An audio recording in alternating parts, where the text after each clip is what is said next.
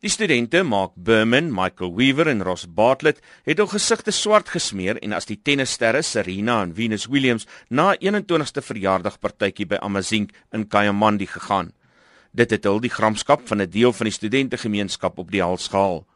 Volgens 'n woordvoerder van die universiteit, Martin Viljoen, is die voortsetting van kritiese debatte en versoenende gesprekke belangriker as optrede teen die studente. Die besluit beteken natuurlik nie dat die drie studente geen verdere verantwoordelikhede het. Hulle het natuurlik reeds onderneem om in verskillende studente forums aan verdere gesprekke deel te neem en uh, om daaier eintlik om te help om verhoudings te herstel die voorval, die komplekse Suid-Afrikaanse konteks, die betekenis van blackface en die verwante sensitiwiteite sal ingesluit word by gesprekke aan die universiteit.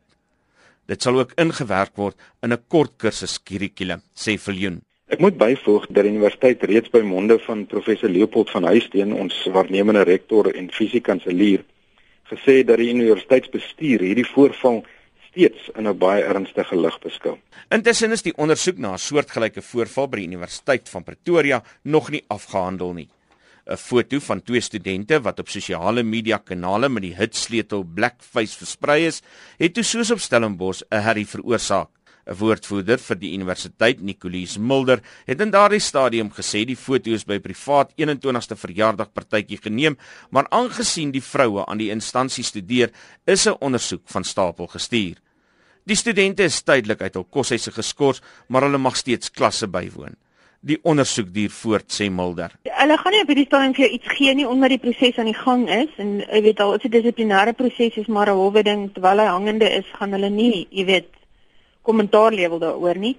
Alhoewel is dit wat destyds, jy weet, was daar mos 'n verklaring gewees wat hulle aanvanklik uitgereik het en gesê, jy weet, dit word ondersoek en daar's 'n dissiplinêre proses. Volgens die menseregte kommissaris Dr Leon Wessels, is dit belangrik om in gedagte te hou dat Suid-Afrika 'n bepaalde geskiedenis en konteks het wanneer dit by die beoordeling van hierdie soort voorvalle kom. Ons moet oor hierdie dinge praat sodat die groter samelewing bewus kan word van die sensitiwiteit daarvan en bedag sal wees daarop uh, sodat ons onnodige rasse insidente kan vermy.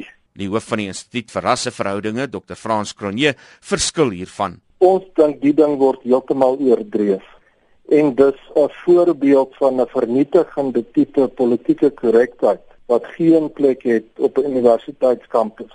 Die direkteur van die Instituut vir Geregtigheid en Versoening, Dr. Fanie de Tooy, meen ook Suid-Afrikaners behoort meer sensitief teenoor mekaar te wees. Die soort voorvalle onderstreep die belangrikheid van dit ons nie konsentreer op ons eie intensies nie, maar ook uh, insien hoe ons aksies gelees en ervaar en beleef word aan die ander kant van die lyn. Dit was die direkteur van die Instituut vir Geregtigheid en Versoening, Dr. Fanie de Tooy.